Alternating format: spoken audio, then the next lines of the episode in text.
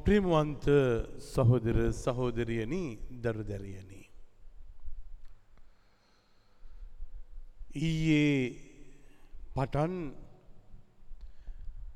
ගොඩක් දෙනෙක් උත්සාහ කරා ටීවී එක ඕන් කරගන්න ෆේස්බුක් එක ඕන් කරලා බලන්න YouTube එකේ මොනවද වෙලා තියෙන්නේ කියලා බලන්න. ලොකු ඕනකමක් තිබුණා. මාත් බැලුවා එතකොට පෙරුණා මිනිස්සු පාරට බැහැලා මිනිස්සු අසරණ වෙලා මිනිස්සුන්ගේ අදෝනාව එලියට එනවා වගේ දැනුණා. හැම තැනම මන් දැන් ගම්පහ පැත්තේ ගිහිල්ලාවේ ටයිල් වගේක් ගන්න මුන්දලමට ගොඩත් තැන්වල පූස්ටර් උස්සගෙන නේ කෑ ගහනවා කෑ ගහනවා කෑ ගහනවා මං කෑ ගහන අයට ගෞරවය කරා ඔබගේ දැවෙන ප්‍රශ්නය ඔබ එලියට දානවා. පෞද්ගලිකව හැබැයි මං ප්‍රශ්නයක් ඇහැව්වා.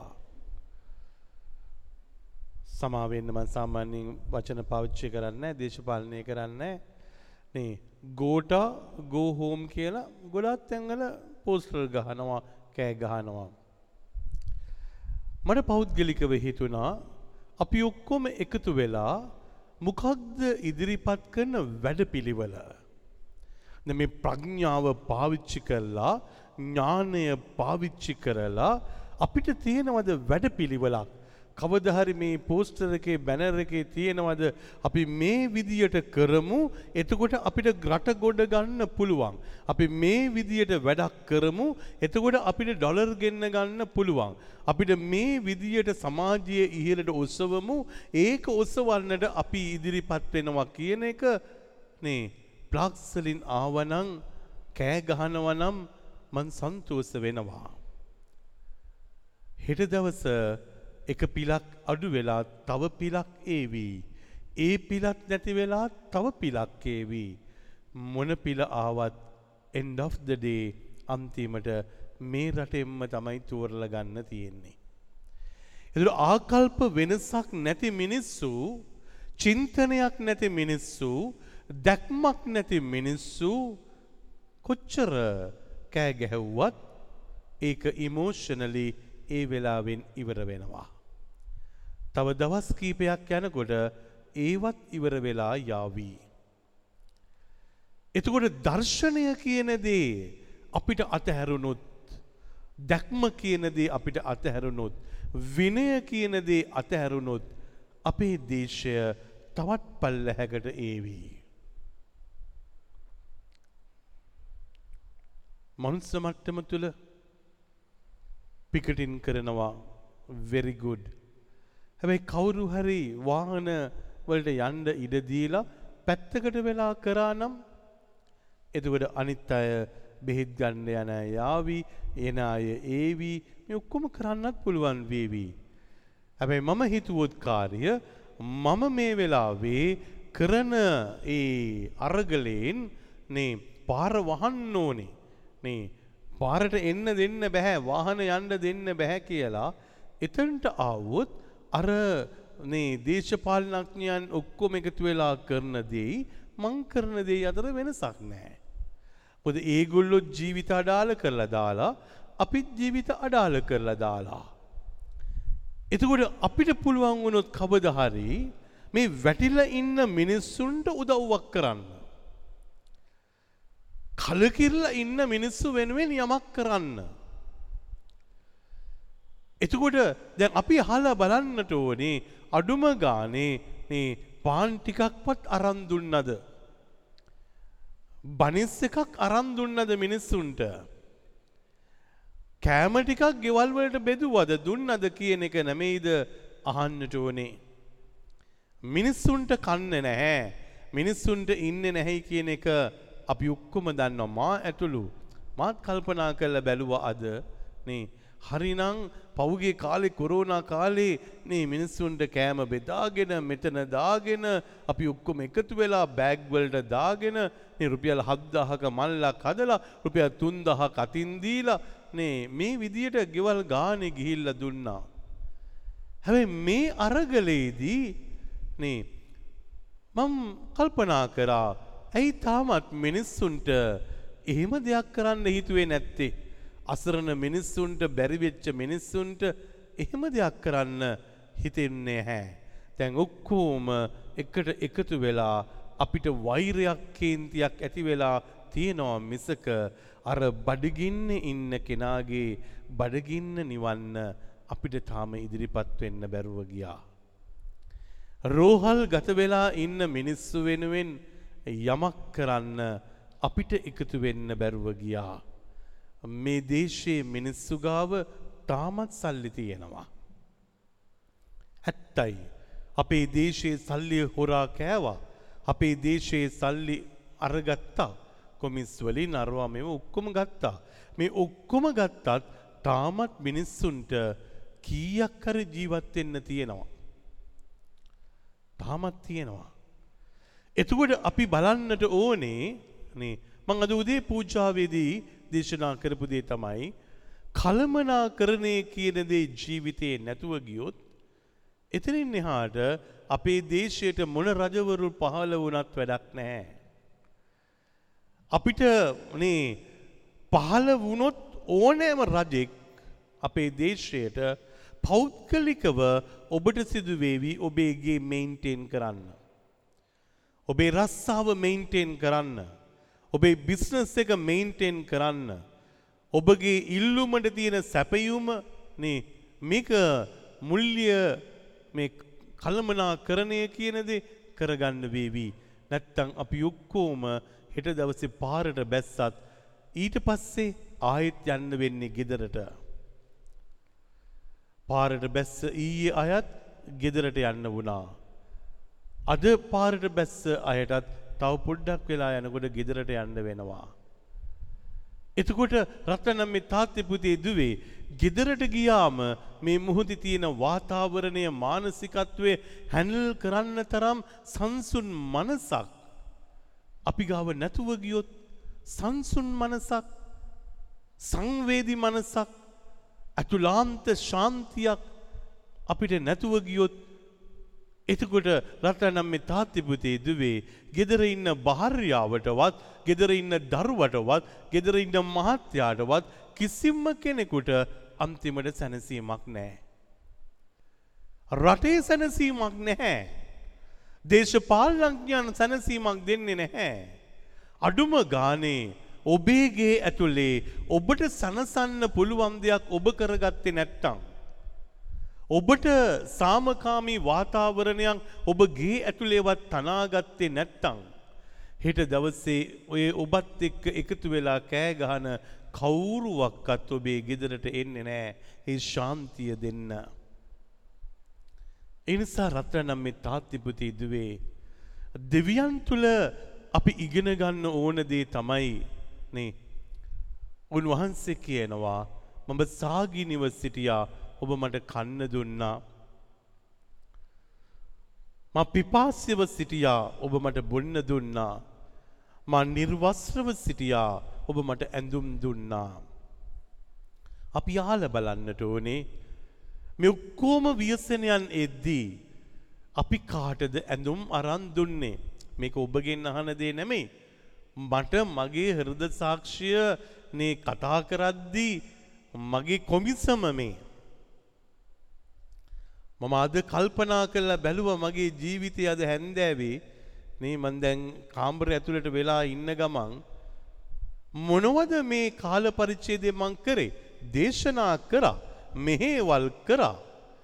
එතකොට අර මිනිස්සුන්ගේ දුක නිවන්න දුන්න කෑම බීම දැන් ඇයි නතර කරලා දැම්මේ? මිනිස්සුන්ගේ ජීවිතවලට ඇති වෙලා තියෙන මේ චිත්ත පීඩනයෙන් නේ සුළඟිල්ලකින්වත් උදව්වක් දෙන්නේ නැතුව අපි කොච්චර කෑ ගැහුවත් වැඩක් තියෙනවද. අපි හැව්වද කාගෙන් හරි ආයු හංග්‍රි වඩ බඩගිනිද වඩ අමාරුවෙයිද වඩ මහන්සිද ගෙදර ඉන්න තාත්තගෙන් ඇහැව්වේ නැහැ. ගෙදර ඉන්න අම්මගෙන් ඇහැව්වේ නැහැ. ගෙදර ඉන්න ස්වාමි පුරුෂයාගෙන් ඇහැව්වේ නැහැ. ගෙදර ඉන්න දරුවන්ගෙන් අහන්නේ නැහැ. එතකොට රට නම් මේ තාත්තේ පුතේ දුවේ charity begins at home කියලායි කියන්නේ. අපි දේශය සුව කරන්න ඕන නම් අපේ ගේ සුව වෙන්න ඕනේ. අපේ පවුල සුව වෙන්න ඕනේ. එතකොට පවුල් සංස්ථාව ගොඩ නැගෙනකොට තමයි ගම ගොඩ නැගින්නේ. ගම ගොඩ නැගෙනකොට තමයි රට ගොඩ නැගින්නේ. එහෙම නොවන අනංකාරිය අපිට හරිම ලේසියෙන්ම නේ කෑ ගහ ගහ මුළු ජීවිතයම ඉන්න පුළුවන්.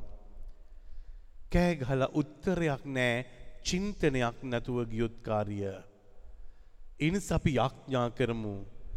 මේ කෑ ගහන හැම කෙනාගාවම අලුත් සිතුවිලි ඇති.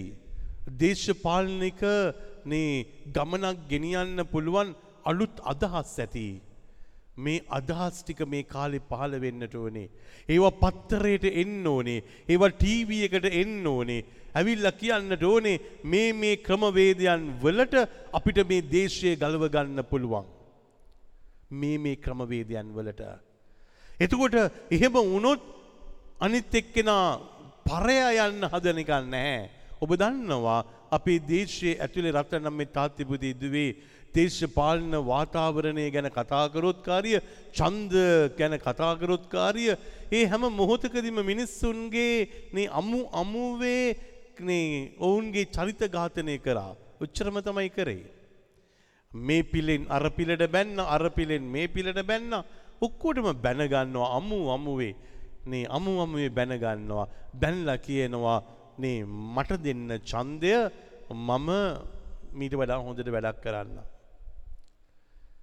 එතකොට දැන් මිනිස්සු බලාවී හැට නම ලක්ෂයක් ඡන්ද දුන්නා. එතකොට ඒගොල්ලඟ පත් කරගත්තා. දැන් ආයෙත් අපිට කෑ ගහන්න වෙලා නේ ගෝහෝම් කියන්න වෙලා. ගෙදරට යන්න කියන්න වෙලා. එතන ඉන්න කාටවත් තනියම එතන්ට යන්න බැරුව ගියා. පුළුවන්ද ජනාධිපතිතුමාට නේ ඒ ඒ පුටුවට යන්න බැහැ. පුළුවන්ද නේ මන්ත්‍රී කෙනෙකුට ඒ පුටුවට යන්න බැහැ කිසිම කෙනෙකුට යන්න බෑ. එතුකොට කවුද ඒ අය වෙනුවෙන් කෑ ගැව්වේ. කවුද ඒ අය වෙනුවෙන් පෝස්ටර් ගැව්වේ. කවුද ඒ අය වෙනුවෙන් ගිහිල්ලා මිනිසුන් දෙක සණ්ඩු කරගත්තේ. අපිමයි. මිනිස්සුමයි. ඒ මිනිස්සුම තමයි දැන් ප්‍රකෝප වෙලා ඉන්නේ. හොඳයි කියන්න ඉදිරිපත් විච්ච මිනිස්සු දැන් නරකයි කියන්නත් ඉදිරිපත් වෙලා. ඕනේ කියන්න ඉදිරිපත් විච්ච මිනිස්සු දැන් එපා කියන්නත් ඉදිරිපත් වෙලා. එනිසා දැන් තියෙන්නේ ගට්ටනයක්. දැන් තියෙන්නේ නැතිකමක්. දැන් තියෙන්නේ බැරිකමක්. දැන් තියෙන්නේ කඩාගෙන වැටීමක්. මං විශ්වාස කරන්නේ මෙතන තමයි අපි පරිස්සං වෙන්නට ඕනේ. සාතන් හරි සූක්ෂමව අපිව නොමග යවන්න පුළුවන්. එනිසා නෙමෙයිද තාත්ත කෙනෙක් හදිස්සියේ නේ ෆේස්බුක් නෑ ඉන්ටනෙට් නෑ මේ ඔක්කෝමත් එක්ක අරගල කරපු තාත්තා දුවල දුවල ඇවිල්ලා ලයිට් කනුවක නගිනවා. කරන්ට එකත් වැදිලා බිමට වැටලා මිය ඇදිලා යනවා. එතකොට ඒක ජනාධිපතිතුමාට බලපායිද ඒක ප්‍රයිමිනිස්ටට බලපායිද එක මන්ත්‍රී මණ්ඩලයට බලපායිද අර තාත්ත උඩ ඉඳල වැටල මැරල ගියා කියන එක. ඒ ගෙදර ඉන්න පුතාට තාත්ත නැතුව ගියා. ඒ ගෙදර ඉන්න භාර්යාවට ස්වයම්පුරුෂන් නැතුව ගියා. එතනින් එහාට කවුද ඒ ගෙදර ආර්ථිකය කළමනා කරණය කරන්නේ. රත්තරනම් මේ තාත්තිපුතේ දුවේ ඔබේ මගේ ජීවිතයේ ඇතුළේ වෛරයකින් එලියට බහින්න එපා.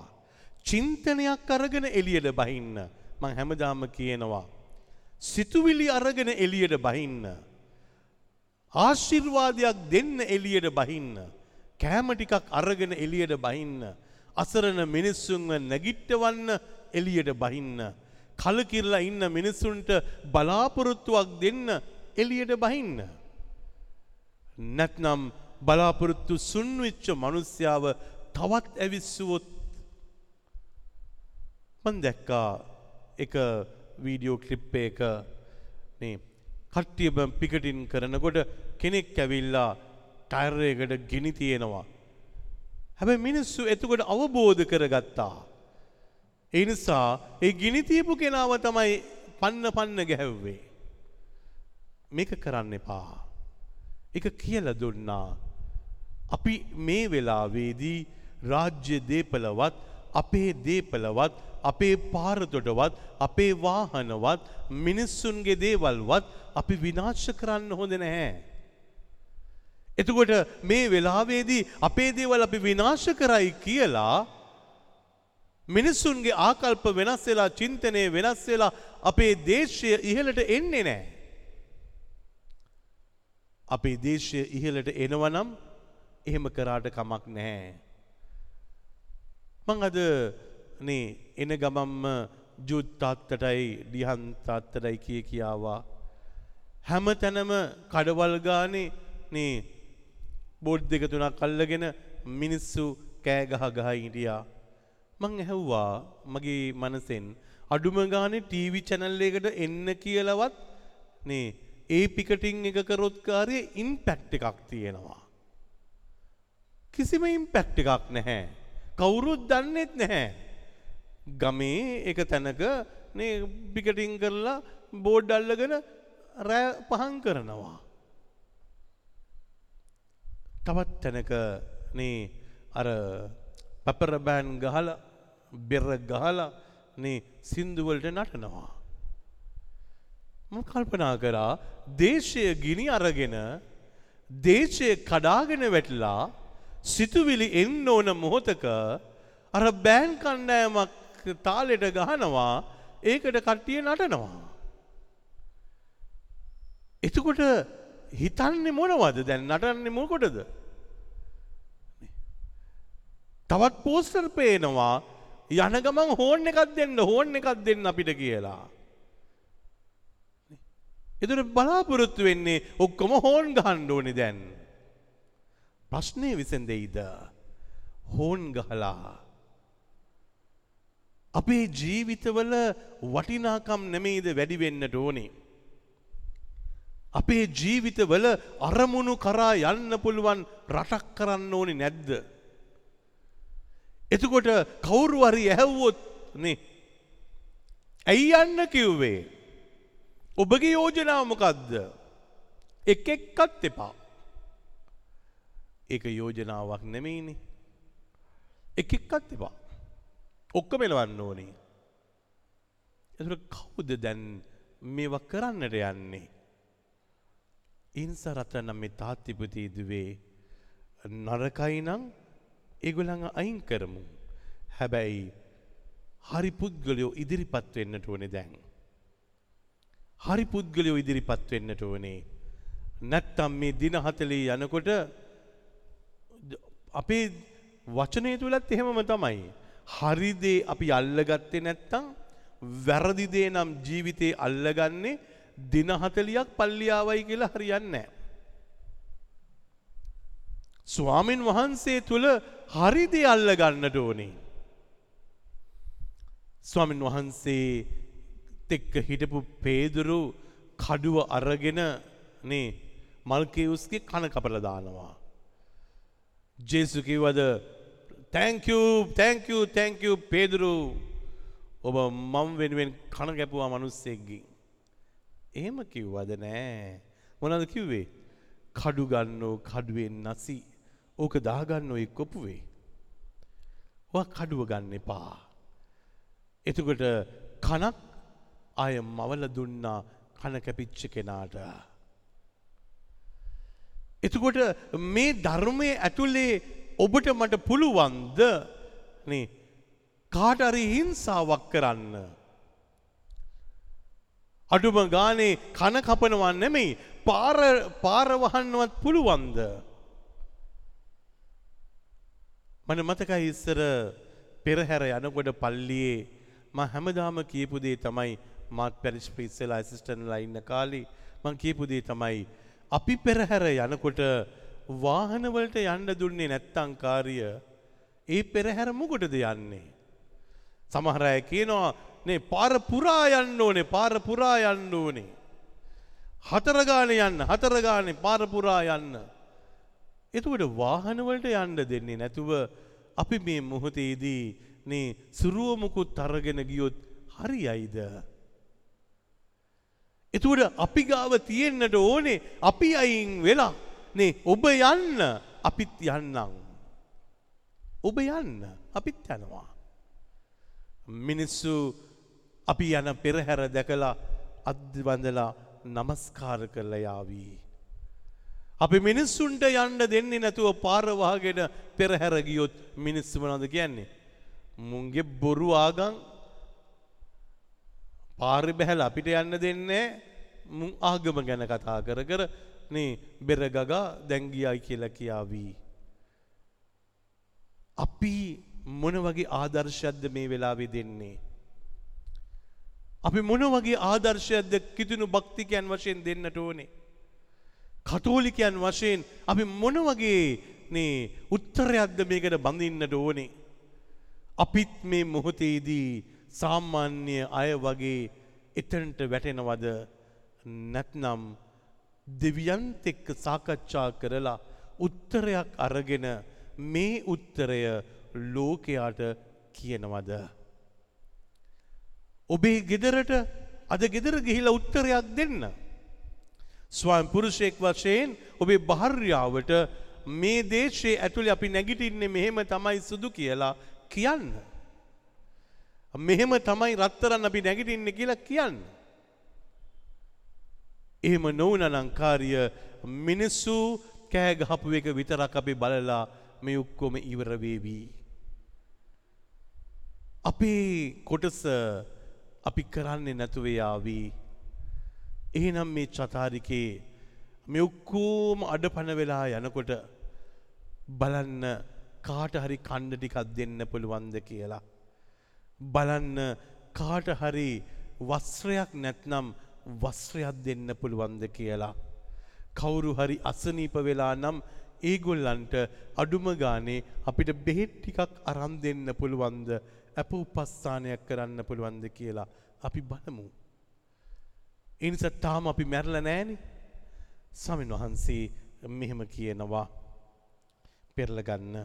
මතයතුමාගේ සුවිශේෂයේ විසි පස්වනි පරිච්ෂේදය මතයු විසි පහේ තිස් හතරේ බී ඉඳල කියනවා. මාගේ පියාණන් වහන්සේගෙන් මාගේ පියාණන් වහන්සේ ආශිර්වාද ලද්දෙනී ආශිර්වාද ලද්දෙනේ එන්න. එන්න. ලෝකයේ පටන් ගැන්මේ සිට ලෝකය පටන් ගැන්මේ ඔබට සූදානම් කර තිබෙන ඔබට සූදානම් කර රාජ්‍යය රාජ්‍යය උරුම කරගන්න. උරුම කරගන්න. එතුර දැන් ස්වාමින් වහන්සේ පැහැදිලිවම කියනවා ඔබට ඔහේ ඉන්න බැහැ. ඔබ රාජ්‍යයේ උරුමක්කාරයෙක් වශයෙන් ජීවත් වෙන්නට ඕනේ.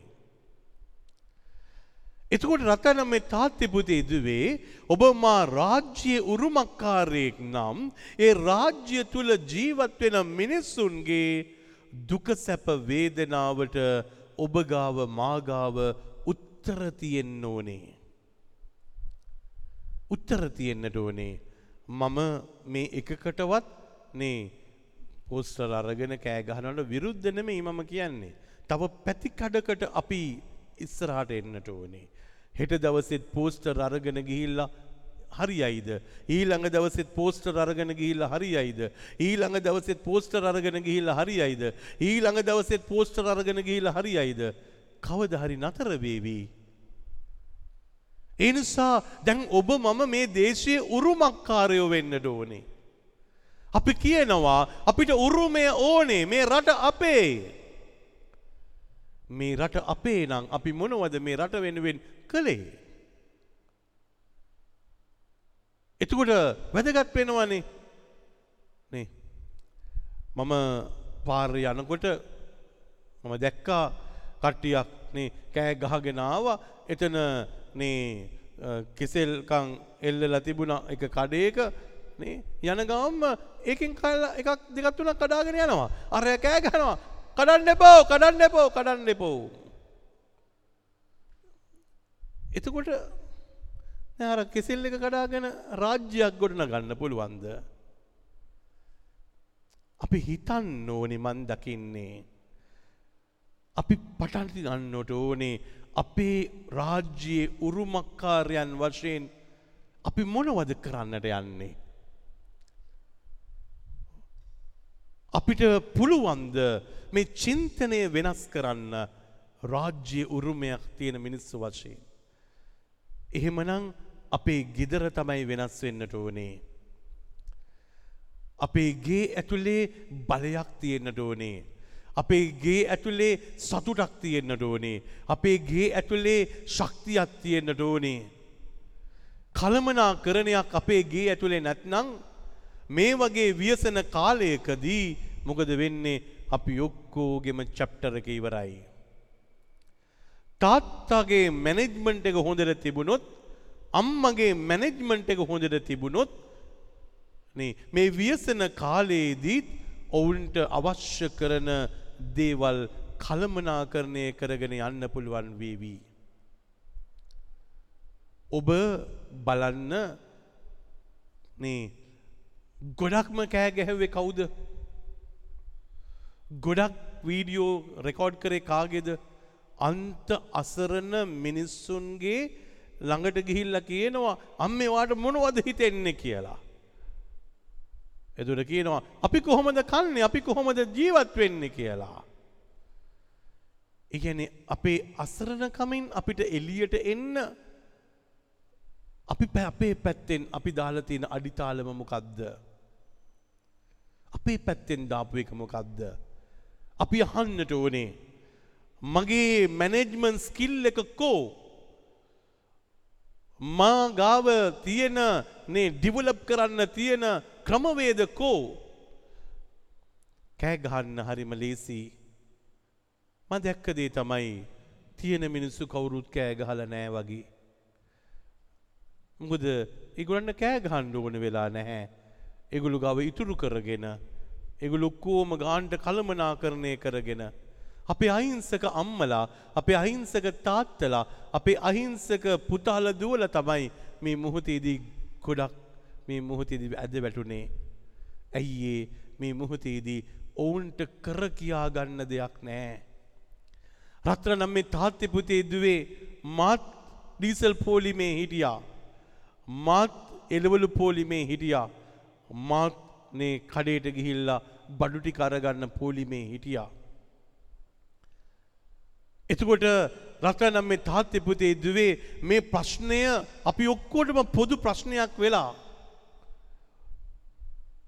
හෙට දවසේ ස්වාමින් වහන්සේගේ රාජ්‍යයේ උරුමක්කාරයන් වශයෙන් අපි පාරට බැස්සොත් එදාට අපි පහින තැන සහනයක් සැනසීමක් මිනිස්සුන්ට තියේවී. එහෙම නැත්නම් එතන අසාහනය අපි වපුරාවී.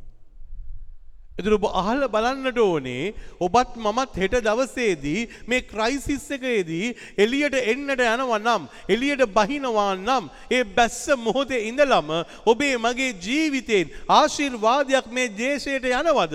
මිනිස්සුන්ට ආශිර්වාදයක් යනවද? මිනිස්සුන්ට සැනසීමක් ලැබෙනවද? මිනිස්සුන්ට සුවපත් වෙනවද? මිනිස්සු නැගිටිනවද? මිනිසුන්ගේ ආත්ම ගැලවෙනවද? මිනිසුන්ගේ ආර්ථිකය නැගිටිනවද කියන වැඩපිළිවෙලක් තුළ අපේ ශරීරයෙන් එවැනි තේජසක් ගලාගෙනෙන් ඕන් නැද්ද. එහෙමෙන් ඩෝන් නැද්ද. මම විශ්වාස කරනවා හෙම. ඔබ මා ඉන්න තැන නපුරාට තැනක් තියෙන්න හොඳ නැහැ. නත්තම් නපුරා හරිම සූක්ෂමව ඔබව මාව බේදබින්න කරලා දමාවී. නපුරා බේදබින්න කරලා දමාවී. එනිසා මං ආරාධනා කරනවා ඔබ එලියට බහිනකොට කන්න ටිකක් අරගෙන යන්න එහෙනම්. ගිල්ල කට්ටියත් එක්ක බෙදාගෙන කන්න. බොන්න ටිකක් වතුර අරගෙන යන්න. මද්‍රව්විය මත් පැන්බීල කෑගැහවුවොත් එක පරාජයක්. එතුකොට ඒක වැඩක් නැහැ. සිහිබුද්ධියෙන් ශුද්ධාත්මයන් වහන්සේගෙන් පිරිලා දේව අනුභාවයෙන් පිරිලා අපි එලියට බැස්සොත් එතන ඉන්න හැම කෙනාගේම ජීවිතවලට බලාපොරොත්තුවක් දීලා එන්න පුළුවන් වේවි. නැත්නම් බලාපොරොත්තුවක් නැහැ. ඒගොල්ලන්ටත් බලාපොරොත්තුවක් නැහැ. අපිටත් බලාපොරොත්තුවක් නැහැ. කාටවත් බලාපොරොත්තුවක් නැහැ. එහෙනම් කාලයේ ඇවිල්ලා අපි අපේ හෝම්වර්ක් කරන්න ඩෝනේ ඇයිඒ හෝම්වර්ක් කරන්න ඕනේ මොනවා නිසාද? ස්වාමීන් වහන්සේ පැහැදිලිවම කියනවා මන්ද මන්ද මම සාගිනීව සිටියෙමි මම සාගිනිව සිටියේ. ඔබ මට කන්න දුන්නහුය ඔබ මට පිපාසව. සිටියෙමි ඔබ මට සිටියෙමි. බොන්න දුන්නහුය. ආගන්තුක සිටියෙමි ඔබ මා සිටියෙමි. ගෙදරට ගෙදරට වස්ත්‍ර නැතිව සිටියෙමි ඔබ මට සිටියෙමි. වස්ත්‍ර දුන්නහුය රෝගාතුරව සිටියෙමි ඔබ මා සිටියෙමි. බලාගත්තහුය. හිරගෙදර සිටියෙමි ඔබ මා සිටියෙමි. බලන්න ආවහුයයි වදාරන සේකා වදාරනසේක. අම තාත්තිපතේ ඉදුවේ මේවවලින් අපි මොනවද කරන්න. මේකන අහන්නට ඕනේ මේ ටිකෙන් අපි මොනවද කරන්න. ලෙඩ වෙලා ඉන්න මිනිස්සුන්ට ඉස්ප්‍රිතාලයේ ඉන්න මිනිස්සුන්ට අපි මොනවද කරන්නේ. නේ වස්ත්‍ර නැතුව ඉන්න මිනිස්සුන්ට අපි මොනවද කරේ. එතුට අපි එක එක්කෙනාව බලාගත්තද. අපි බලාගත්තද කියලා අහන්න එපෑ. අපි දැන් අපි අපි බලාගෙන නැහැ. අල්ලපු ගෙදර කෙනාගේ වැටට සණ්ඩු කරනවා. මායිමටත් එක්ක ඇනකොටා ගන්නවා. බල්ලා මේ වත්තට ආවයි කියලා බල්ලව මරලා දානවා. අල්ලපු ගෙදර කුකුල කිකිලි මේ වත්තට එනකොට වහතියලා ඌව මරලා දානවා. එහා වත්තේ ගහක් මේ පැත්තට නැමිල තියෙනකොට නේ මුළු ගහම කපල දානවා. එතකොට අපේ එදිනෙදා ජීවිතයේදී අපි බලාගෙන නැහැ. අල්ලපු ගෙදර කෙනාව බලාගෙන නැහැ. නැන්දව බලාගෙන නැහැ. ආච්චිව බලාගෙන නැහැ. සීයව බලාගෙන නැහැ. අම්ම තාත්තාව බලාගෙන නැහැ. අසල්වාසින්ව බලාගෙන නැහැ. පල්ලියේ ඉන්න අයව බලාගෙන නැහැ. නොබලා ඉන්න මිනිස්සු මේ වෙලාවේ කියනවා අපේ රට බලාගන්න අපිට කවුරු හරි ඕනි කියලා. කොහොමද රට බලාගන්නේ අපි බලාගත්තේ නැත්තං. එතකොට ස්වාමින් වහන්සේගේ පන්නරය ඕනෙ ඒකට නෙමෙයිද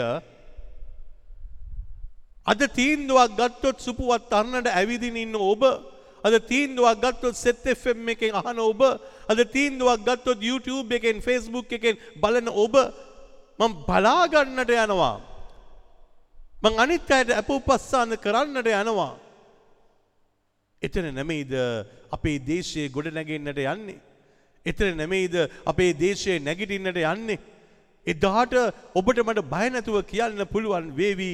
එන්න අපි එකතු වෙමු එකතු වෙලා අපි එක්කෙනෙක්වත් විනාශ නොවී හැම කෙනෙක්ම ජීවත් වෙන්න අපි එක එක්කෙනා බලා ගනිමු. එහෙමද ඩීසල් පෝලිමේ ඉන්නකොට අනිත් කෙනාට ආදරය කරන්න බැරිවිච්ච නිසා පිහිය අරං ඒ ඩීසල් පෝලිමේ හිටපු අනිත් කෙනාව මරලා මේ මොහොතේ දාන්නවා.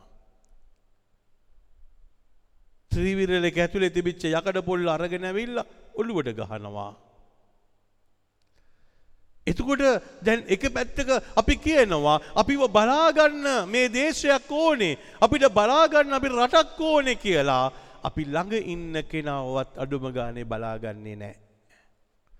ගෙදර ඉන්න වයිෆ් බලාගන්නේ. ගෙදර ඉන්න හස්බන්ව බලාගන්නේ. ගෙදර ඉන්න අම්ම තාත්තව බලාගන්නේ. ඉනිසා මේ හර්ද ශාක්ෂයයි කතා කරන්නට ඕනේ. මේ වගේ ව්‍යසනයක් ඇතිවිච්ච කාලයක අපි අපේ සිතුවිලි මරාගත්තොත් අපේ චින්තනය මරාගත්තොත් අපේ අධ්‍යාත්මය මරාගත්තොත් අපිට මේ මොහොතේදී ෂෝ එකක් විතරයි කරන්න පුළුවන් වෙන්නේ. ෂෝ ලෙවල් එකේ ගොඩක් දේවල් කරන්න පුළුවන්. හැබැයි ප්‍රායෝගිකව අපේ ජීවිතය තුළ ආදරය මිනිස්සුන්ට නැතුව යාවී.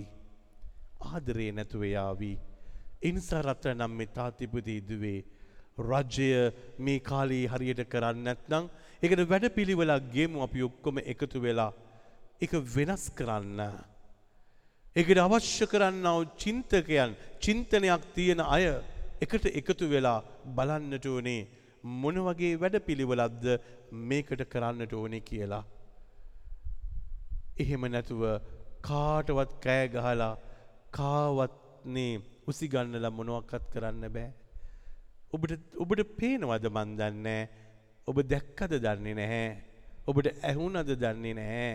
නේ එතකොට සමහර අය මිනිස්ට පෝස්ට් වලින් අයින් වෙලා ගිහිල්ලා තවත් අය මිනිස්ට පෝස්ට් වලට ඇතුල් වෙලා එතකොට දැන් මේ කෑ ගහපුවම උත්තරේ ඕකද කෑ ගහපු එකේ ප්‍රතිඵලය මේකද නේ මේ එක එක්කෙනාව මාරුවීමද මේ වෙන්නට යන්නේ නැහැ දේශයක් ගොඩනගන්න නම් ආත්මීක බලයක් තියෙන කෙනෙක් ඉදිරිපත් වෙන්නට ඕනේ ආත්මික බලයක්. ආදි අනාදී ඉඳලම රජවරුන්ට ආත්මීක බලයක් තිබුණා. සුදු බයිබලේ තුළ ආත්මීක බලයක් තිබුණා.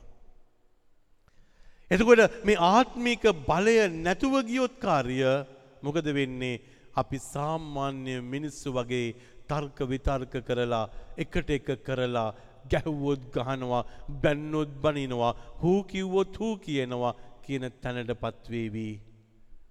පුළුවන්ද දේශය ගොඩනගන්න. හූ කිව්වොත් හූ කියන්නම් ගැහ්වොත් ගාන්නම් මරන්ඩාවොත් මරන්නම් නේ. ඉනිසා නැමෙයිද නේ බොඩිගාඩ්ල හැම කෙනෙක් ගාවම නේ මිනිස්ටස්ලගේ මොඩිගාඩ්ල හැම කෙනෙක් ගාවම ඔබ බැල්ුවොත්කාරිය දෙපැත්තම පොඩ්ඩක් බුෂ්ෂට් එක පිම්බිල තියෙන්නේ. ඇයිද කියලා ඇහවුත්කාරයේ පිස්ටල් එක තියෙනවා. එනිසා කොහේ හැරි කවුරු හරි නැගිට්ටොත් නේ හිමින් ටක් ගල අත යනවා මෙතන්ට වෙඩි තියෙනවද නැද්ද කියල දෙපාරක්. මන් දැක්ක මේ දවස්සල පොලිස්සිය මහත්තුරුන්ගෙන් ආමියකේ යාෆුස් එකේ නේවිය එකේ මහත්තුරුන්ගෙන් මිනිස්සු ආයාචනා කරනවා. අනේ පුතේ ගහන්න එපා. අනේ පුතේ අපේ දරුවන්ව මරන්න එපා. අනේ පුතේ කැඳුළු ගෑස් ගහන්න එපා. ඔබටත් අම්ම කෙනෙක් ඉන්නවානේ. ඔබේ අම්මත් පෝලිමේ නේද? ඔබේ පුතාටත් මේ වෙලාවෙ කිරි නෑ නේද? ඔබේ ගෙදරටත් කරන්නෑ නේද? මේ යුනිෆෝම් එක ඔබ ඉන්න තාක්කල් ඔබ මේ දරුණු තීන්දුව ගනීවී. හැබැයි මිනිස්සුන්ට ගහන්න එපා. මිනිස්සුන්ග මරන්න එපා. ආදරවන්ත ඉල්ලීම් ගොඩක් අය කරනවා. අම්මි තාත්තිපතේ දුවේ. එහෙනම් ඔබටත් මටත් තියෙනවා මේ දෙවියන් වහන්සේ ළඟ ඉල්ලීමක් කරන්න. අනේ ජේසුනේ අපේ මිනිස්සුන්ට වෛරය දෙන්න එපා. අපේ මිනිස්සු තුළ වෛරය පතුරවන්න දෙන්න එපා අපේ මිනිස්සු තුළ කලකිරීම දෙන්න එපා අපේ මිනිස්සු තුළ මේ දේශය දවේශ කරන දේශයක් බවට පත්කරන්න ඉඩ දෙන්න එපා. අපේ දේශය තුළ මිනිස්සුන්ට ජීවත්වෙන්න සතුට සැනසීම උදා කරන්න වහල තියෙන දොරවල් විවෘත කරන්න. කීප දෙනෙක් ගත්ත තීන්දු නිසා අපේ දේශය මේ තත්ත්වයට පත් වනා. කීප දෙනෙක් සුරාකාපු නිසා අපේ දේශය මේ තත්ත්වයට පත් වනා. අපි උත්සාහ කරමු ස්වාමීන් වහන්සේ තුළ අපේ ගම අපේගේ ඇතුළේ ඒ දේව රාජ්‍ය ගොඩනගල ආදර්ශයක් බලයක් ශක්තියක් උපද්දවන්න එදාට ඔබට තේරේවී ඔබට රට හදන්න ඔබ හැදෙන්න්නට ඕනේ ඔබට රට හදන්න ඔබේ ගේ හැදෙන්න්නට ඕනේ ඔබට රට හදන්න ඔබේ ගම හැදෙන්න්නට ඕනේ ඔබට රට හදන්න ඔබගේ සිතුවිලි හැදෙන්න්නට ඕනේ. ඔබට රට හදන්න ඔබ ගාව දර්ශනයන් තියෙන්න්නට ඕනේ. දැක්මක් තියෙන්න්නට ඕනේ. එතකොට තමයි මේ රටක් හැදෙන්නේ මේ රටක් ගොඩ නැගෙන්නේ මේ රට ආශිර්වාදිත වෙන්නේ. එදාට අපි ඔක්කෝම සුවපත් විච්ච දේශයක ජීවත් වෙන මනුස්ස කොට්ටාසයක් වේවී. එහෙනම් මේ වෙලාවිත් පාරේ කෑගහ ගහ ඉන්න ඒ අයටගේ සිතටත් සහනයක් දෙන්න කියලා අපි දෙවියන්ට කියමු. එගොළඟ ආරක්ෂා කරලා දෙන්න කියලා. ඒ වෛරය ගෙදරට ගෙනියන්න එපා. ඒ වෛරය ඔෆිස් එකට ගෙනියන්න එපා. ඒ කේන්තිය ළමයින්ට ස්කෝලට ගෙනියන්න එපා. ඒ නිසා මේ සිතුවිලි යටි මනසට යන්නට යන මේ රිනාත්මක අත්දැකීම දේශපාලනය වෙනස් වුණත් අපේ මිනිස්සු නැගිටෙන්නේ නැතුව යාවී. ඒගොල්ලන්ගේ ආකල්ප මේ මොහොතේදී වැටිච්ච ආකල්ප බවට පත්වේවී. එනිස අපි ස්වාමින් වහන්සේ ඉදිරියේ ගමු තීන්දුවක් වෛර නොකරන කලකිරීමෙන් ජීවත් නොවෙන අනිත්තෑව අපහසුතාවයට පත් නොකරන ශාන්ති සිතක් ඇති කරලා හෙට දවසේදී නැති බැරි අයව බලාගෙන අසරණ මිනිස්සුන්ට සහනයක් වෙලා පිළිසරණයක් වෙලා අපි මේ දේශය තුළ මිය ඇදෙන දවසේදී මිය ඇදෙමු.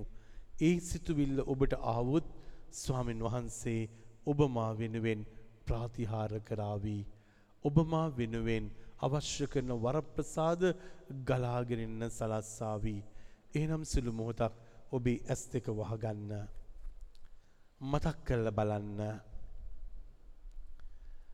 මේ දින හතලියේදී වෛරයෙන් පිරිච්ච තැනකට දුබ ඇතුල් වෙන්නට යන්නේ. කේන්තියෙන් පිරුණු දින කීපයක් දුබ ගත කරන්නට යන්නේ. අපේ දේශය තුළ ලොකු අසාධාරණයක් වුණා. අපේ දේශයේ ජනතාවට ඉවසීම දරල දරලා ඒ ඉවසීම නැති වෙලා ගියා. අද ඔබ පිකටින් එකට යන්නේ නැතුව අද ජේසුව හොයාගෙන ඇවිල්ලා. ඔබ පාරෙ ඉන්න ඕන කෙනෙක් අද ජේස්වාමෙන් වහන්සේ ගාවට ඇවිල්ලා අනේ ජේසුනේ අපිට තේරෙන්නේ නැති දෙයක් තියෙනවා.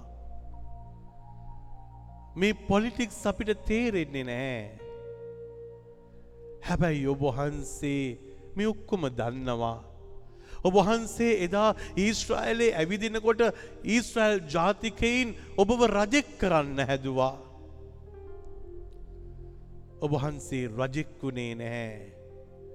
ලෞකික රජෙක්වුණේ නැහැ. ආත්මික රජෙක්වුණා.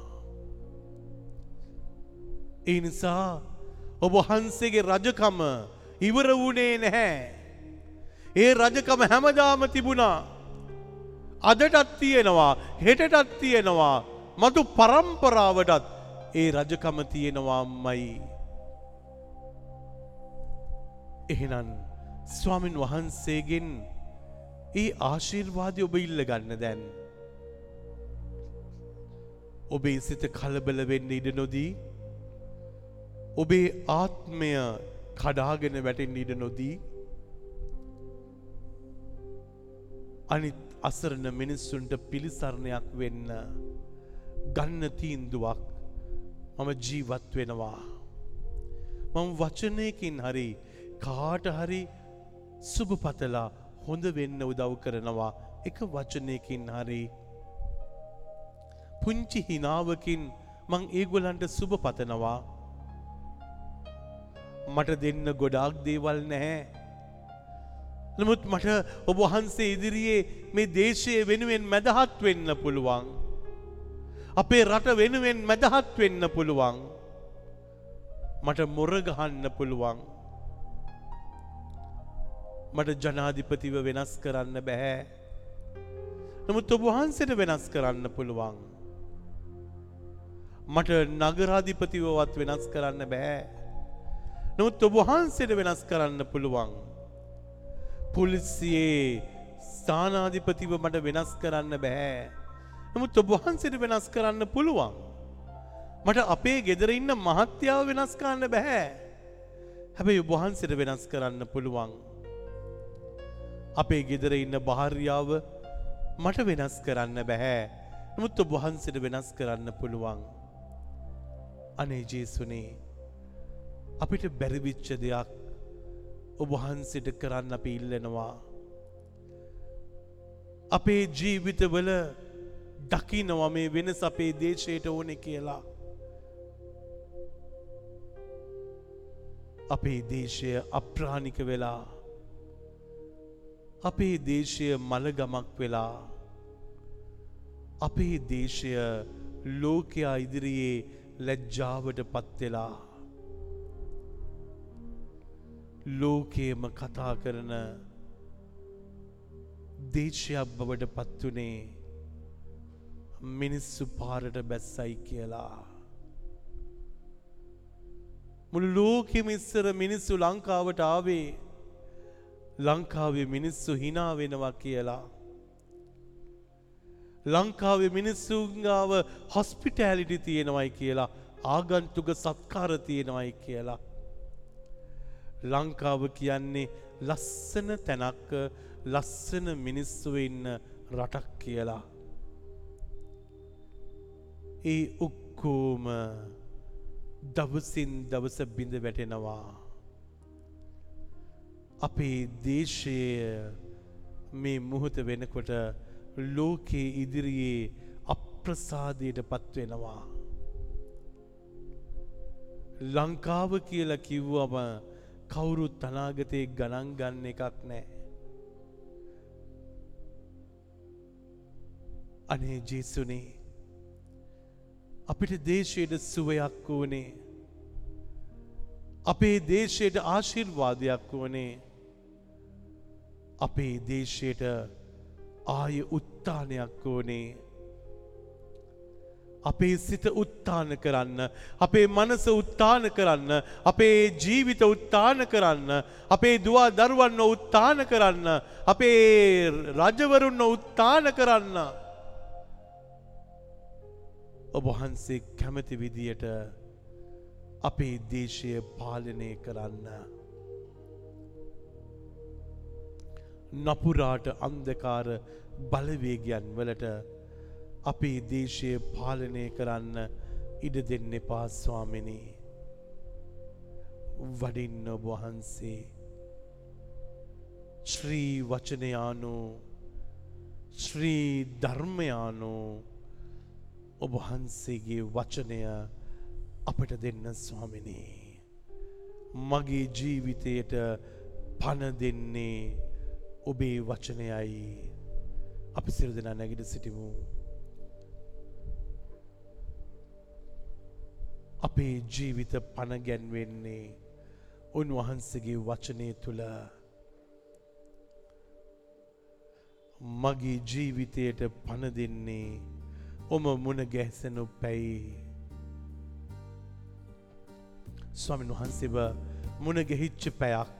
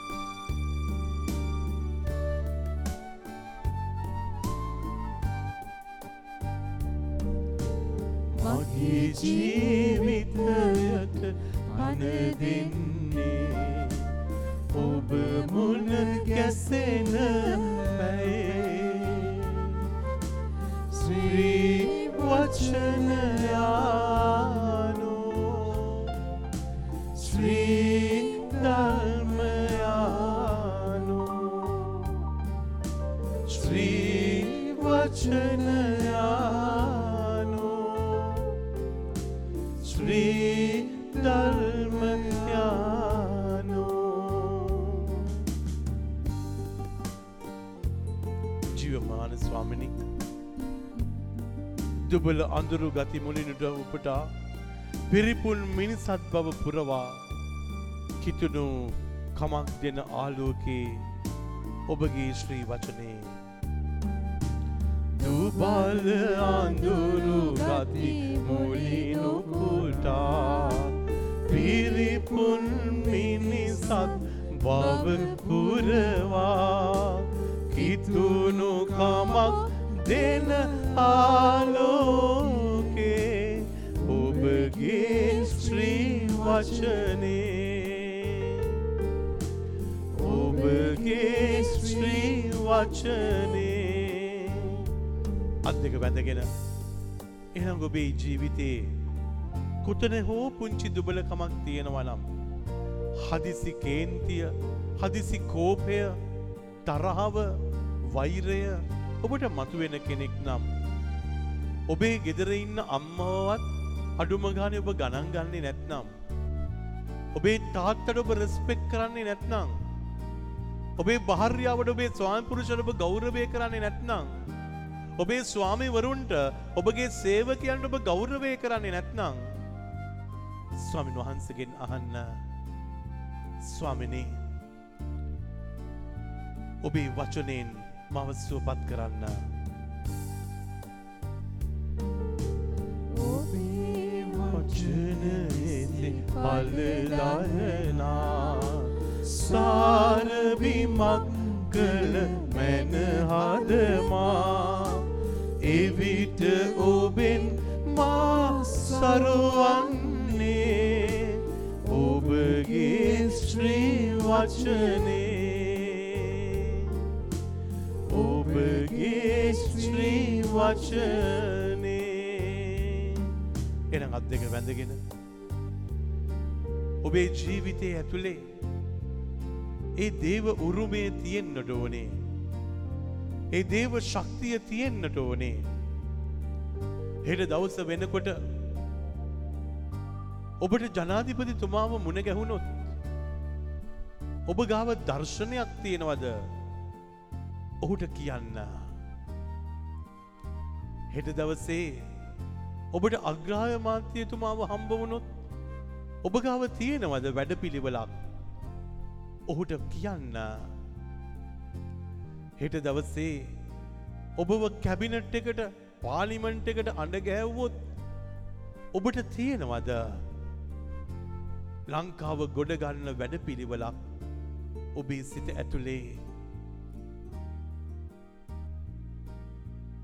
අහල බලන්න. අපිට කෑ ගහන්න ලේසි. හැබැයි ගැම්බුරු අධ්‍යාත්මයකින් පිරිලා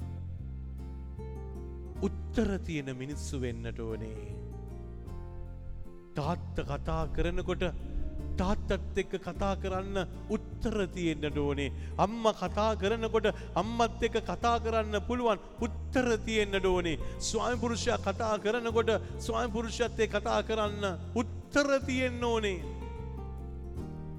අද උත්තර නැති වෙලා.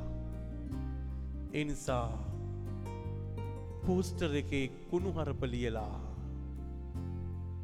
ඒක උත්සලතියාගෙන ඉන්නවා.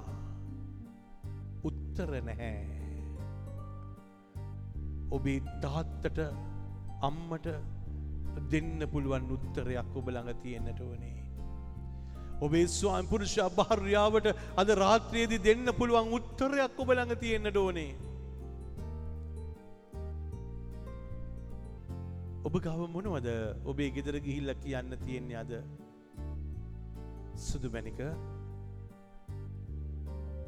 මට දෙවියන් තුළ මෙහෙම උත්තරයක් තියෙන ඔයාට කියන්න. ඔයාගේ ප්‍රශ්නයට මට උත්තරයක් තියෙනවා. කී දෙනෙක් කැමති වෙයිද? තමාගේ ස්වයම්පුරුෂයට අද කතා කරලා කියන්න. රත්තරන් ඔයාගේ මෙච්චර කල් තිබිච්ච ප්‍රශ්නයට උත්තරයක් මා ළඟ තියෙනවාද ඔබට කියන්න. දරුවන්ට කියන්න පුළුවන් වේවිද චුටිදුවේ චුටිපුතේ වගේ මේ දැවෙන ප්‍රශ්නයට උත්තරයක් මා ළඟ තියෙනවා. අපි ඔක්කෝටම උත්තර තිබුණොත් අපි කොේ තරම් දෙවියන් තුළ ප්‍රබල චරිතවේවිද එදාට කලකිරීමට වඩා උත්තර ගොඩක්